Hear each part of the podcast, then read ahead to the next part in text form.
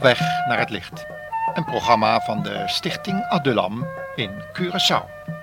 Dit keer met als thema Een ontwrichte wereld.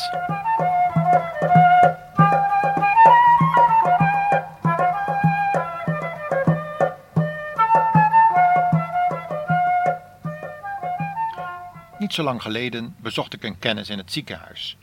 Hij was het slachtoffer van de zoveelste roofoverval op de Antillen. Hij mocht van geluk spreken dat hij het leven ervan afgebracht had. Want de kogel die zijn been doorboorde was van een meter afstand afgeschoten. Iets hoger en hij was dodelijk gewond geweest. Nu zou hij met wat therapie misschien na enkele weken zijn bedrijf weer kunnen gaan runnen. Nog maar kort geleden had hij twee mensen moeten ontslaan wegens verduistering van kasgeld. Maar de politie had bij de aangifte gezegd dat ze deze gevallen niet konden aangeven bij de officier van justitie, omdat de hele afhandeling van deze kleinere zaak te veel geld en tijd zou gaan kosten. Ze konden er slechts een rapport van opmaken, zo zeiden zij. En nu dus dit. Waar moeten we met al deze bijna dagelijkse roofovervallen eigenlijk nu heen gaan op de Antillen? Hoe kun je eigenlijk in deze totaal ontwrichte wereld leven? In het Bijbels dagboek dat wij dagelijks lezen, las ik het antwoord van de apostel Paulus, zelf vaak slachtoffer van overvallen en moordaanslagen. Ik las het in zijn brief aan de gelovigen van Filippi, hoofdstuk 2, vers 12 tot 18. En ik nodig de luisteraar uit dat hoofdstuk eens op te slaan.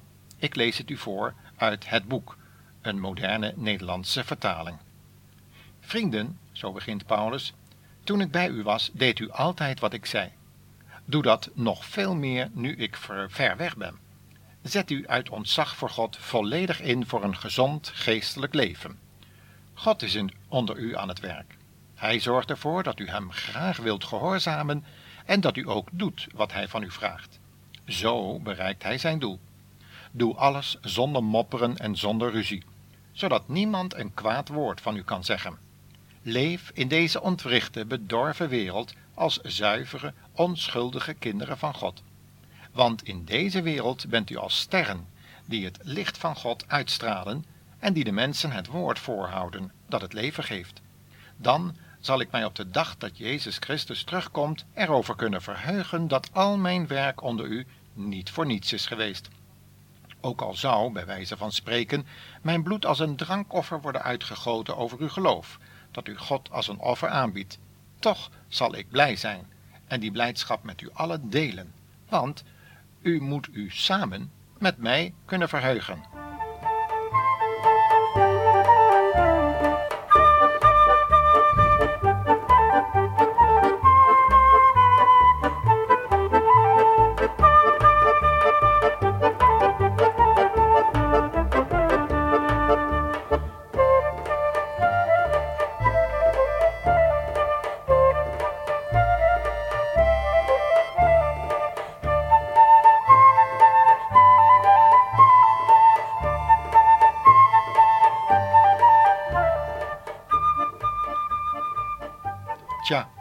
Als je over deze woorden nadenkt en je deze woorden op je in laat werken, en, en dat op een moment dat je eigen dochter ter nood aan een roofoverval is ontsnapt, en ook zij in de loop van een revolver heeft gekeken, dan sta je vanzelf wel even stil bij de zin van het leven.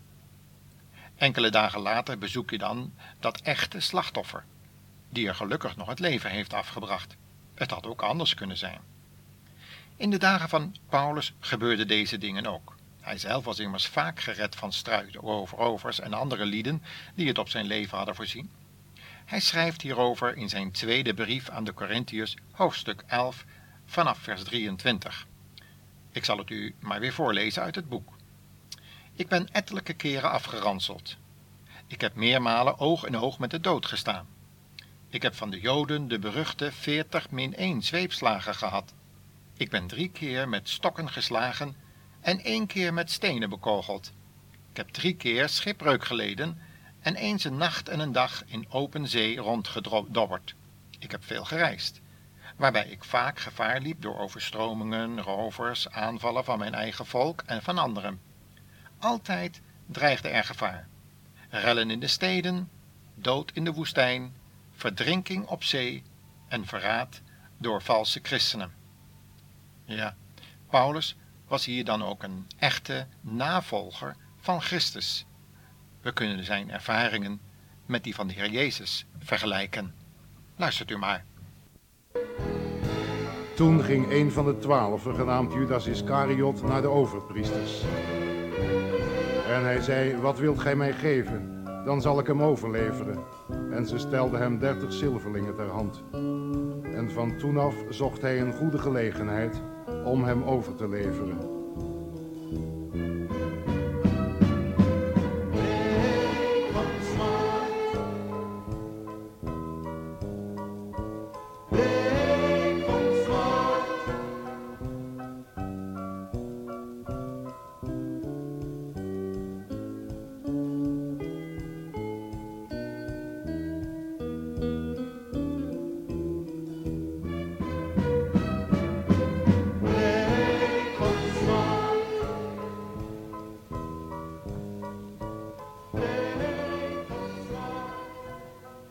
Ja, als je dat allemaal overdenkt en ook in de Bijbel erover leest, dan heeft zowel Paulus als de Heer Jezus zelf inderdaad recht van spreken. Juist hij, dat is Paulus, roept dan ook op om blij te zijn op momenten dat je de moed in de schoenen zinkt. Juist wanneer je in de loop van een revolver kijkt. Maar hoe is dat nou eigenlijk mogelijk, vraag je af. Paulus moet dus iets of iemand in zijn leven kennen of gekend hebben wat hem op de juiste tijd bemoedigde en ook weer oprichtte, juist dan waar een ander het opgeeft. Ja, we weten het natuurlijk uit het woord. Hij kende de Heer Jezus, die net als hij door mensen werd afgetuigd, geranseld en geminacht. En niet vergeten, juist door mensen die bekend stonden om hun vroomheid en invloed, ook in de politiek van die dagen. En het was deze Jezus die de vroegere moordenaar, of zoals we Saulus tegenwoordig zouden noemen, een witte crimineel, had geïnspireerd tot een geheel nieuwe levensstijl. Het kan dus, ook in deze tijd van verwarring en algeheel onvermogen om de criminaliteit en de oorzaken daarvan uit te bannen. We leven dus, volgens Paulus zijn brief, in een ontwrichte, bedorven wereld, zoals hij dat uitdrukt. En hij roept de Filippiërs op en over hun hoofden ook ons, om als sterren in de nacht te schijnen. Sterker nog, om als zuivere, onschuldige kinderen van God te leven. Ook wij kunnen als kinderen van God laten zien wat het voor ons betekent om Christus Jezus te kennen en te dienen, als de heiland en Heer van ons leven. Juist in moeilijke tijden, vol agressie en haat, kunnen we de mensen het woord van God voorhouden want dat woord is onder de werking van Gods Heilige Geest in staat de lezer en luisteraar leven te geven. Nee, niet gewoon leven. Een leven zoals wij graag zouden willen leiden, zonder ziekte, moeite, zorg en dood. Maar eeuwig leven, zoals de Heer Jezus dat na zijn opstanding heeft geopenbaard aan zijn discipelen, en dat hij nu ook aan de luisteraar aanbiedt. Want Jezus leeft en regeert ook al lijkt het erop dat Satan het momenteel voor het zeggen heeft. Uiteindelijk weten we als christenen immers door het geloof in Gods beloften dat Satan het zal moeten afleggen tegen de gerechtigheid en de liefde van God. Deze liefde van God is bijzonder openbaar gekomen op het kruis van Golgotha. En ook de gerechtigheid van God, want God kan de zonde niet toelaten en moest deze straffen. Zij het dan in dat geval in de Zoon van God zelf, de Heer Jezus. Vandaar dat het nu toch mogelijk is, of minstens tot de mogelijkheden kan gaan behoren voor de luisteraar, dat we blijdschap weer terugkrijgen wanneer we, na al die ervaringen zoals we aan het begin van dit programma hebben verteld, die blijdschap zijn verloren. Je kunt in ieder geval de Heer Jezus ernaar vragen, want hij gaf het de zwaar beproefde apostel Paulus immers ook. Oké, Jezus verhoorde het gebed om verlichting van de last die Paulus te dragen had, niet op de manier zoals hij en wij dat zouden gewild hebben. Maar Jezus gaf meer. Hij hielp het kruis dragen en maakte het tot een zacht juk. Paulus bleef zijn zwakheid behouden tot aan zijn dood. We lezen daarover in 2 Korinthe 12 vers 9, waar hij het volgende daarover heeft geschreven. De Heere antwoordde telkens weer op mijn gebed. Dat ik altijd bij je ben, is genoeg, Paulus. Wanneer jij zelf zwak bent, kan ik mijn kracht in jou ten volle ontplooien. En het resultaat van dit antwoord op het smeekgebed van Paulus, en misschien ook wel dat van u, was dat deze dienstknecht van God zei: Daarom durf ik mij toch op mijn zwakheden te beroemen, omdat dan de kracht van Christus in mij gezien kan worden. Daarom kan ik zelfs blij zijn over zwakheden, beledigingen, noodsituaties, vervolgingen en moeilijkheden, die ik ter wille van Christus moet verdragen. Want als ik zwak ben, ben ik pas sterk. Luisteraar, misschien duizelt het u bij het horen van deze woorden uit de Heilige Schrift. Maar ik moet zeggen dat het mij zelf ook zwaar valt om deze woorden aan u, aan jou door te geven, omdat ik het gewoon soms ook niet zie zitten als ik zo om me heen kijk en de krant lees en het journaal volg en de slachtoffers aanhoor, zoals dat nu eenmaal bij mijn taak hoort.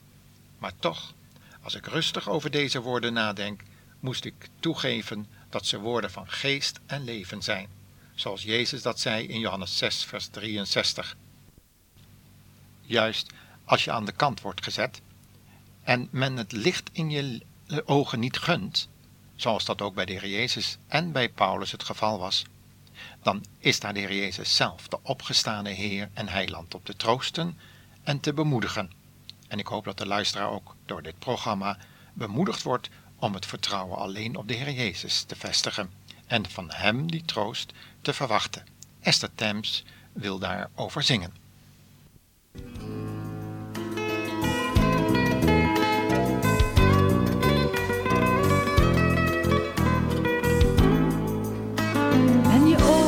Als een ding aan de kant gezet en is jou het licht niet gegund? Als je hoort, daar is Jezus van Nazareth, roep dan zo hard als je kunt. Jezus, Jezus,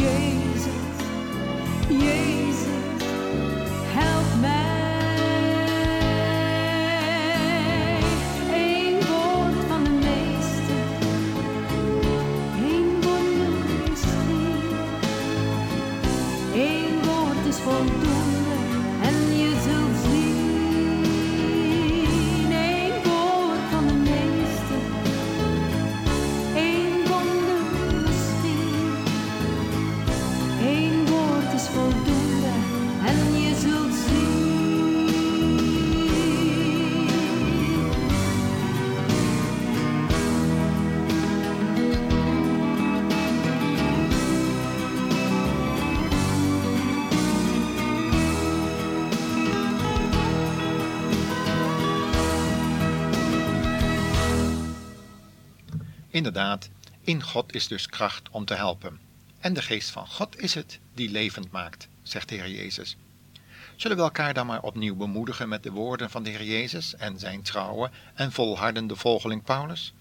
Schep moed uit mijn behoudenis, zei deze apostel tegen de jonge Timotheus.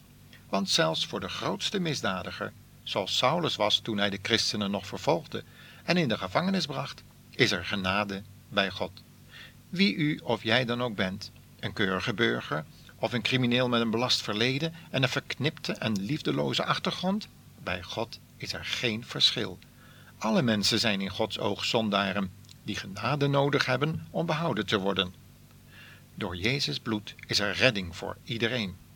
In Titus 2, vers 11 wordt erover geschreven, door diezelfde apostel. De genade van God is bekend geworden, waardoor voor alle mensen eeuwige redding mogelijk werd. En daardoor leren wij dat wij ons van ons slechte leven en ons zondige genoegens moeten afkeren, om daarna van dag tot dag verstandig en goed te leven, met ontzag voor God. We moeten vol verwachting uitkijken naar de tijd dat wij Zijn heerlijkheid zullen zien. De heerlijkheid van onze grote God en Redder, Jezus Christus. Je kunt dus een lichtende ster zijn in de nacht van deze wereld, zoals Paulus het beschreef. En terwijl jij op je beurt anderen weer voor het onheil dat komt kunt waarschuwen en de schuilplaats tegen dat onheil kunt aanwijzen door het woord van Christus te openen en voor te lezen. Een woord vol van beloften voor de nabije toekomst, voor hen die het willen geloven. Wacht met dat geloven niet te lang, beste luisteraar. Nu kan het nog. Dadelijk zul je Gods plannen ten uitvoering gebracht zien, maar dan heeft geloven geen zin meer en gaat het over in aanschouwen. En dan is het ook te laat om Christus en zijn woord te aanvaarden. God zegene je en geven u of jou volharding in het geloof en de navolging van Christus en Paulus, zijn trouwe ambassadeur. Tot een volgend programma over dezelfde zender, Koe Jos.